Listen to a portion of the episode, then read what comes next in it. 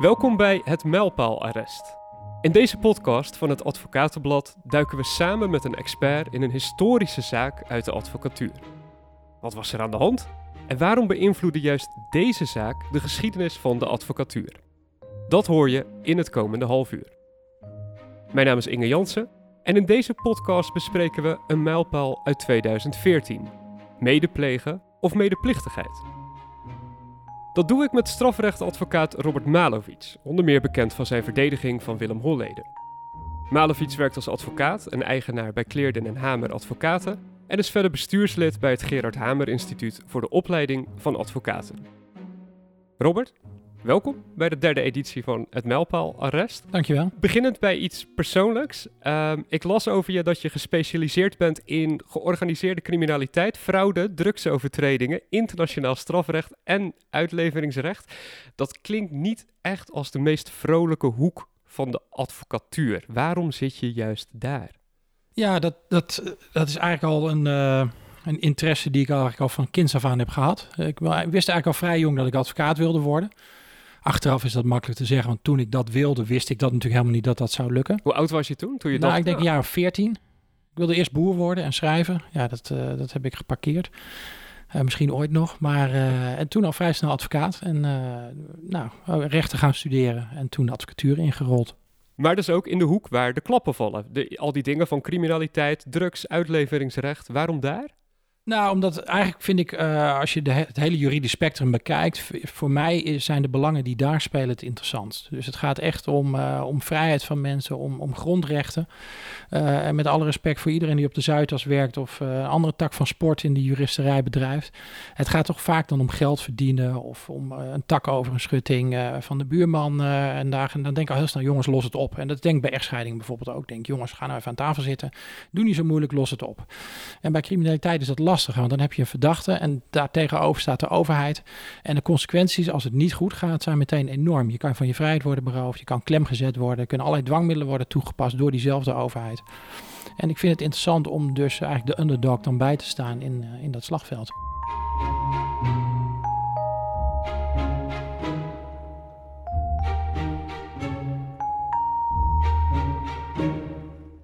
In deze podcast hebben we het over een mijlpaalarrest uit 2014, medeplegen of medeplichtigheid. Beginnend bij het begin, ik wist niet eens dat medeplegen een term was. Omdat het in de media gaat het altijd heel makkelijk over medeplichtigheid, medeplegen nooit eerder gehoord. Wat is precies het verschil tussen die twee? Als je het grofweg uitlegt, heb je een pleger. Dat is iemand die een strafbaar feit pleegt. Ja, die kan hulp krijgen van iemand of dat samen met iemand doen. En uh, de persoon die zeg maar, dat feit dan uh, ook pleegt, medepleegt, uh, die duiden we aan als de medepleger. En de medeplichtige verhoudt zich tot die uh, eigenlijk als een ondersteunende rol versus uh, echt een grote uh, rol. Dus de medepleger heeft een grote rol en wordt daarom ook gestraft alsof hij zelf pleger is geweest. Even zware straffen kunnen die krijgen. Medeplichtige, die krijgt korting zou je kunnen zeggen. Die krijgt een derde minder straf, wettelijk vastgesteld, dan de, de hoofdpleger of de medepleger. Dus daar hangt nog wel wat vanaf of je als medepleger wordt aangeduid of als ja. medeplichtige. Ja, het is van groot belang voor een verdachte om te zien uh, of om, om te weten of hij medeplichtige wordt geacht door het Openbaar Ministerie. Of dat ze zeggen, nee, jij bent echt een medepleger, omdat hij dan volle pond uh, kan krijgen. We kijken naar die zaak uit 2014, ook om dit even concreet te maken. Wat gebeurde er precies in die zaak? Ja, je moet eigenlijk even heel kort de voorgeschiedenis van dat medeplegen meepakken. Je had allerlei arresten uh, tot 2014, waarin dat medeplegen werd ingevuld. En vroeger had je echt dat je samen op de plek van het delict moest zijn. En dan stond je samen met, een lucifer bij een boerderij, en die stak je in de fik. En dan was je allebei uh, pleger en er was dus één de pleger en de ander de medepleger.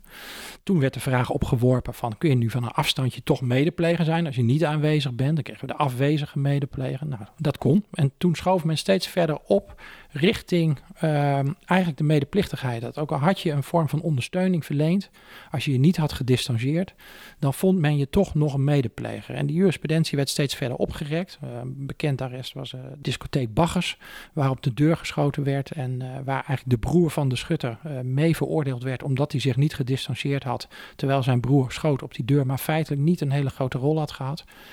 Ehm, en dit arrest uit 2014 is eigenlijk de kentering in die ontwikkeling om die medepleger eigenlijk steeds verder van zijn originele uh, rol af te laten dwalen, namelijk steeds verder richting de medeplichtigheid uh, te laten dwalen.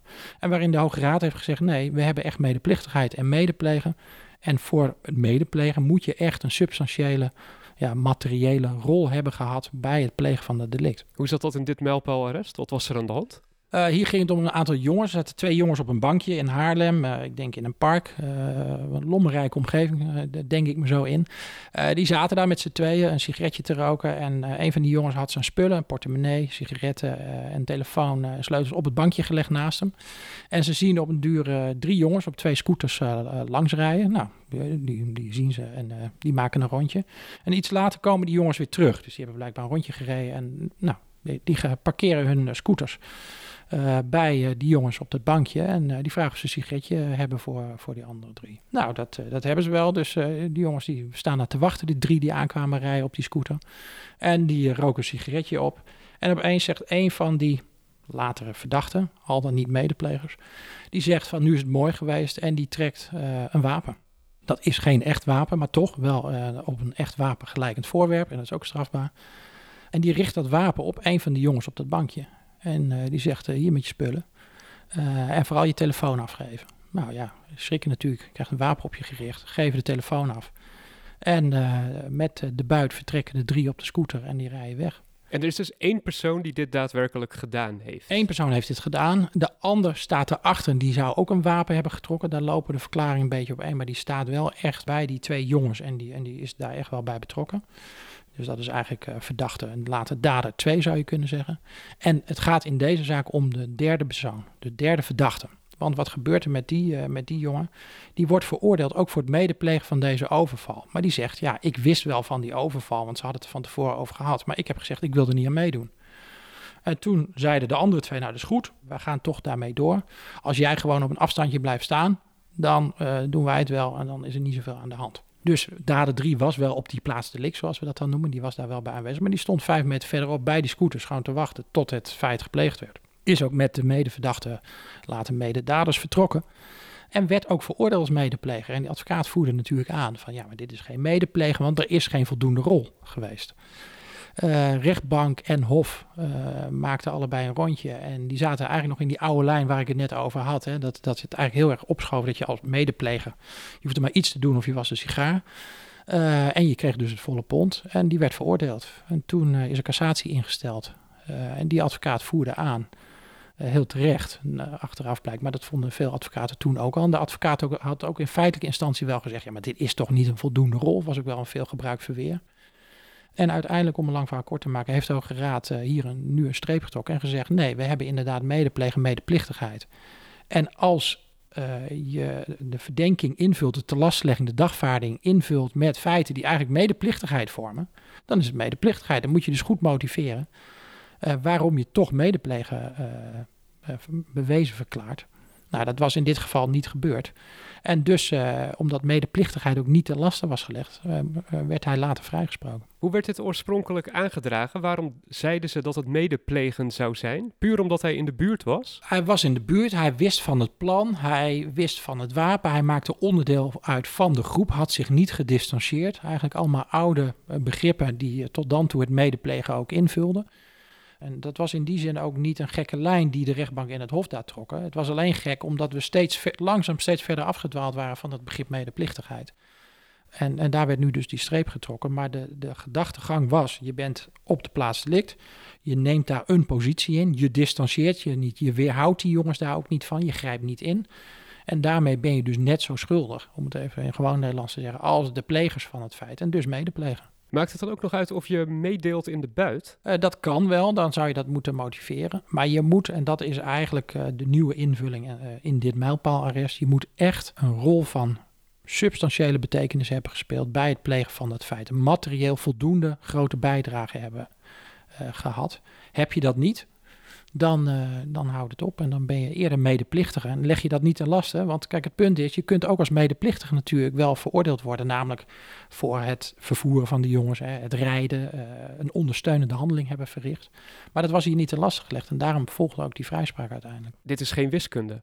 Als in dit is een zeer interpretatief object. Dan sla je de spijker op de kop. Dat is ook wat de Hoge Raad zegt. Die zegt ook van de, de grens tussen medeplichtigheid en medeplegen, dat ligt heel erg aan het individuele geval. En wij gaan geen uitspraken over doen waar die grens precies ligt. En daarom zijn dit soort grensgevallen ook altijd voor nou, een advocaat, maar verdachte, maar iedereen die in het strafrecht werkt ook heel interessant. Omdat het daar natuurlijk altijd schuurt.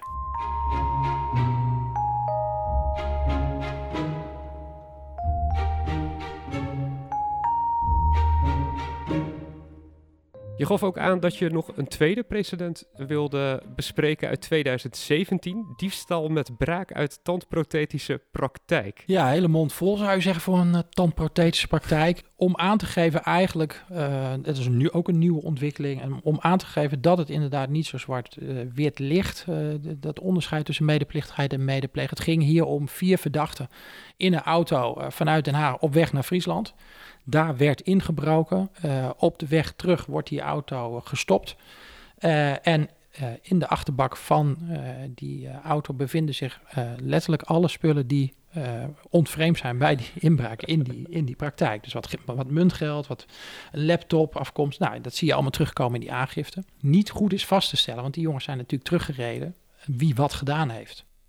Dus wat zegt de verdachte in, in hè, een van die vier, uh, zeg, laten we hem de vierde verdachte noemen, die zegt ja, ik ben opgehaald vanuit Den Haag, we zouden naar een feestje gaan, ik heb niks gezien uh, en ik ben er verder, maar verder zeg ik niks. Dus hij geeft ook geen uitleg wat hij precies in die, in die auto deed, maar zit wel achterin met al die spullen in die auto en met drie heren die ook geen verklaring afleggen. Die is veroordeeld voor het medeplegen van deze inbraak. Dan zou je kunnen zeggen, ja, maar we kunnen niet helemaal vaststellen wat hier nu gebeurd is. En daarvan heeft de Hoge Raad gezegd, um, ja, dat is allemaal leuk en aardig, maar op het moment dat je in zo'n situatie verzeild raakt, met die spullen, met de, de auto was ook gesignaleerd, dus er was heel veel bewijs dat duidde op betrokkenheid in ieder geval van deze personen uh, bij die inbraak. En je komt niet met een uitleg waarom je daar in die auto zit of wat er dan is gebeurd. Dus eigenlijk moet je de bewijslast omdraaien, zou je kunnen zeggen dan mag je dat mee laten wegen in het bewijs. Uh, en waarom is die uitspraak van belang? Dat betekent dus dat het zo kan zijn dat je in een vroeg stadium al je strategie moet bepalen in dit speelveld. Als je hoort dat je vrienden iets gaan doen dat je al moet gaan bedenken hoe ga ik me hiertoe verhouden? Nou, met name als je aangehouden wordt uh, okay. achteraf. En ja, uh, ja uh, kijk, het is natuurlijk in strafrechtelijke zin heb je ook het beginsel dat je niet jezelf hoeft te belasten. Dus je hoeft niet mee te werken aan het onderzoek. En je hebt dan nu het, het mijlpaalarrest over het medeplegen, waarin staat dat je echt moet invullen met bewijs welke rol je hebt gehad. En die moet van een materiële bijdrage zijn. Maar die grens is niet onbeperkt, dat wil ik er maar mee zeggen.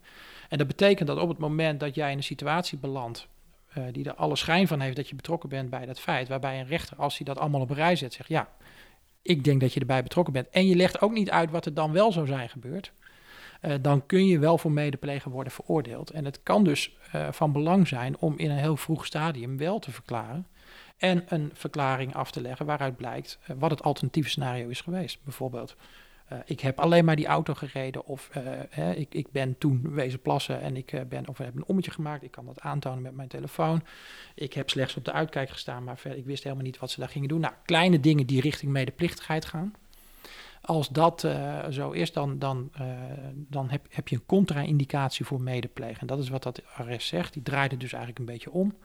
Ja, een materiële bijdrage, tenzij op een plek uh, en in de situatie waarin je wat uit te leggen hebt, dan moet jij met contra-indicaties of een verklaring komen waardoor je kunt aangeven, ja, maar u denkt wel dat dit medeplegen was en het, heeft, het stinkt als een, ik, weet niet wat, hè, dit heeft een enorme geur, maar dit is er gebeurd en dat is een contra-indicatie voor waarom ik in die auto zat.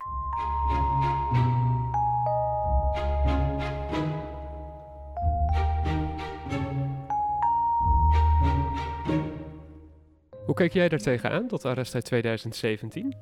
Het is een interessant arrest, omdat je in dit geval uh, begrijp je het wel. Uh, maar wat je nu ziet in de praktijk en in de rechtszaal is dat uh, heel veel officieren van justitie nu beginnen te roepen: ja, hij legt niet uit. Hè, het gaat natuurlijk schrijven. Hij legt niet uit wat hij daar dan deed, of hij op een zwijgrecht. Dus ja, daarmee kan hij gewoon veroordeeld worden. En daarmee zie je dat het Openbaar Ministerie, officieren van justitie in de rechtszaal, een gat in het bewijs proberen te dichten. Terwijl deze specifieke situatie veel meer weg heeft dat er eigenlijk geen gat in de bewijsvoering zat alleen uh, onvoldoende mogelijkheden voor de verdachte of onvoldoende mogelijkheden voor de rechter eigenlijk waren om te zeggen, ja, dat alternatief scenario, dat heeft enige voeding in dat dossier. Ik, zie uit in dat dossier echt geen enkel alternatief, want jij zegt niks. Je komt met geen alternatief en deze enorme bewijslast ligt aan de andere kant van de weegschaal. Ja, dan slaat hij door in jouw nadeel en veroordeel ik je. En wat je nu ziet in de, in, de, in, in de rechtszaal is dat officier van justitie dit mechanisme proberen te gebruiken om een bewijsgat te dichten. En dat moet natuurlijk niet. Ik heb een heel kort voorbeeld gegeven van onlangs een zitting bij de rechtbank in Den Haag. Daar werd op een parkeerplaats 20 kilo cocaïne overgedragen. Uh, de verdachte, mijn cliënt, die, uh, die kwam aanrijden, stond daar in de buurt en reed vervolgens weer weg. Nou, de officier van justitie zei: Jij moet maar uitleggen wat je daar op die parkeerplaats deed. Maar als je dan even dat arrest, wat we als eerste bespraken van het medeplegen, het mijlpaalarrest in, in gedachten hebt. Je moet een materiële bijdrage leveren. Hij heeft niet met zijn handen aan de cocaïne gezeten. Hij heeft niet in de auto gezeten waar de cocaïne. Hij heeft geen contact gehad met die andere personen uit die auto. Of met de vervoerder van de vrachtauto. het werd opgepikt door een vrachtauto die het naar het buitenland zou transporteren. Dus er was verder helemaal niks. Dan kunnen wij allemaal wel zeggen van ja, wat doe je op een parkeerplaats buiten je eigen woonplaats bij een overdracht van 20 kilo cocaïne? Dat stinkt natuurlijk. Maar ja, ehm, ik zou ook, dat weten we niet. En misschien kunnen we wel, uh, wilde die daar iemand oppikken, had hij een affaire, ik, ik weet het allemaal niet. Ik ga hier ook niks invullen. Maar we zitten nu nog niet uh, in de situatie uh, uit het arrest van 2017, waar de vier mannen in de auto zitten met de, de buit in de auto en geen uitleg geven. Hij hoeft niet met zijn uitleg het gat in het bewijs van het Openbaar Ministerie te dichten. En dat was de rechtbank in Den Haag met mij eens. En die hebben meneer dus ook vrijgesproken van enige betrokkenheid bij, bij die overdracht van die cocaïne. En ze hebben, het Openbaar Ministerie heeft ook niet gewijzigd in een vorm van medeplichtigheid. Van je kan op de uitkijk staan, daar was dat dan zijn rol geweest. Nou, dan, dan was het misschien nog anders gegaan. En ze zijn niet in hoger beroep gegaan. Ze hebben het gewoon geprobeerd. Ze hebben het geprobeerd en uh, de officier van justitie zei ook letterlijk: Ik weet ook niet wat er is gebeurd precies, maar ik vind het genoeg. Nou ja, daar heeft de rechtbank ook van gezegd: dat is natuurlijk niet een bewijsconstructie waarmee je iemand kunt gaan veroordelen. Ook al, uh, jij en ik, we zitten hier aan tafel, wij denken natuurlijk ook wel het onze daarvan. En een gewone burger zal dat ook hebben. Maar dat is het leuke van het strafrecht. Het strafrecht is natuurlijk uh, groter dan uh, dat onderbuikgevoel. En je moet systematisch kunnen vaststellen wanneer veroordelen we mensen en wanneer veroordelen we mensen niet. Ja, dat kan betekenen dat zo'n situatie die je eigenlijk niet goed kunt vastpinnen of goed kunt duiden, dat daar dan een vrijspraak op volgt. Is dit ook gewoon onderdeel van het eeuwigdurende spel? Ja, het is, dat vind ik wel. En ik, ik, heel veel mensen vragen natuurlijk ook op al die feestjes van... Ja, hoe kan je nou een moordenaar verdedigen? Of hoe kan je, als je weet dat hij... Vertellen ze wel eens aan jou dat hij het gedaan heeft? Ja, dan vertellen ze heel vaak dat hij het gedaan heeft. En dan is mijn taak Tom Poes verzinnen list. Maar niet door zelf valse stukken in te brengen... of, of, of chicaneuze manoeuvres uh, te gaan uithalen. Maar wel zo scherp mogelijk aan de wind te zeilen en te zeggen van... nou, hier zit een bewijsgat, hier zit geen bewijsgat, hier ga je zwijgen. Om te kijken om het OM scherp te houden, dat is uiteindelijk in ons alle belang. Dat mensen veroordeeld worden in zaken die uh, een deugdelijke bewijsconstructie hebben en waar het bewijs klopt en op een rechtmatige manier is verkregen. Dan heb ik ook eerlijk gezegd wel vrede met de veroordeling. Als iemand iets heeft gedaan en het onderzoek is, klopt helemaal. Uh, dan heb je als advocaat ook niet zo gek veel in te brengen. Dan is het gewoon het begeleiden van uh, een verdachte en zorgen dat hij een eerlijk proces krijgt. En je zult, kijk, advocaten schreeuwen natuurlijk eindeloos hun successen. Maar ik ken geen advocaat die meer vrijspraken scoort dan veroordelingen. Dat is gewoon niet zo. Dat zijn, al onze cliënten worden doorgaans veroordeeld. Omdat uh, uh, het Openbaar Ministerie de slechte zaken er in principe uitfiltert. Maar je hebt wel een, een enorme uh, waakhondfunctie. Je zorgt dat je bij elke zaak kritisch oplet dat het daar ook klopt. Want de negen zaken voorgaand kunnen kloppen, maar die tiende zaak kan helemaal mis zijn. Nou, dat zag je net met die overdracht op die parkeerplaats. Dat klopte gewoon niet. er zat gewoon te weinig bewijs in. Maar dat, dat OM scherp houden kan dus ook zijn dat je ziet dat, zij, dat er een gat zit in hun redenering. Dat je weet van jouw cliënt dat hij schuldig is. Dat je dat geld gebruikt. Uh, is het dan ook even oké voor jou in je hoofd van ja, maar ik probeer ook maar gewoon het OM scherp te houden? Ja, zeker. Want uh, ik vind dat belang groter. Ik, ik, heb liever dat er dus, een, uh, dat in dit geval, ik ben ook heel eenzijdig in, mijn, in het dienen van mijn belang. Ik ben er alleen maar voor die cliënt. Een advocaat is niet een openbaar advocaat, zoals het Openbaar Ministerie er zowel voor de maatschappij is hè, waarbij uh, de burger, het slachtoffer, uh, maar ook de verdachte, dus die moet al die belangen verdelen. Is de advocaat er echt alleen voor het belang van zijn cliënt? En ik spreek ook vaak wel mensen die, uh, die eigenlijk geen criminelen zijn, maar eens een keer in de problemen komen. Doordat ze of te veel gedronken hebben, of doordat hun kind uh, een verboden wapen uit het, zo'n zo balletjes, plastic balletjes uh, pistool. Dat was trouwens ook het wapen wat in het mijlpaalarrest werd getoond. uit Turkije of Frankrijk van de kermis meenemen. En dan ineens met het strafrecht in aanraking komen. die zijn wel heel blij dat die advocaat er echt alleen voor hun belang is. En nou, dat geeft veel voldoening. Ja. Wat kunnen andere advocaten hiervan leren van dit mijlpaalarrest? Altijd heel duidelijk die scheidslijn in de gaten houden tussen medepleeg en medeplichtigheid. En goed kijken naar die rol van die verdachte. Om uh, te zien of hij wel daadwerkelijk die medepleger is. En hoe het dan feitelijk kan worden ingevuld. Uh, heel vaak denk je, zoals op die parkeerplaats met die cocaïne, dit klopt niet helemaal. Hij is gewoon schuldig. Maar met welk gedrag vul je dan die, uh, die, die beschuldiging in? Wat heeft hij dan gedaan? Heeft hij, welke bijdrage heeft hij geleverd? En als het niet op de plaats delict was, uh, was in welk voortraject dan? Of acht, achteraf of in combinatie? Uh, en, en daar moet je heel scherp op zijn. Zijn er ook dingen aan dit arrest die je zou willen aanpassen, waarvan je achteraf denkt, ja, dat is nog steeds niet helemaal lekker gegaan, daar moet eigenlijk nog iets veranderd worden aan die interpretatie? Nee, die rol van voldoende materiële betekenis, die, dat vind ik een hele mooie definitie, dat je echt, uh, echt een wezenlijke bijdrage moet hebben geleverd. Punt is en blijft dat je uiteindelijk in de feitelijke rechtspraak kan een rechter daar natuurlijk kan makkelijker over die drempel stappen. Hè. Die kan hem voor zichzelf makkelijker nemen door te zeggen, ja, ik vind nou, je stond daar op een hoekje op de uitkijk. Ik vind dat eigenlijk voldoende materiële bijdrage. En het toch zo motiveren dat hij het medeplegen kan noemen. Ja, dan, dan uh, moet je in hoger beroep en desnoods in cassatie. Um, in de feitelijke praktijk blijft het nog steeds uh, een kwestie van heel, heel uh, scherp opletten. maar op zich vind ik dit een hele mooie uitspraak waarin de lijn weer duidelijk is getrokken. in ieder geval het onderscheid is, onderscheid is benadrukt. Dat is goed.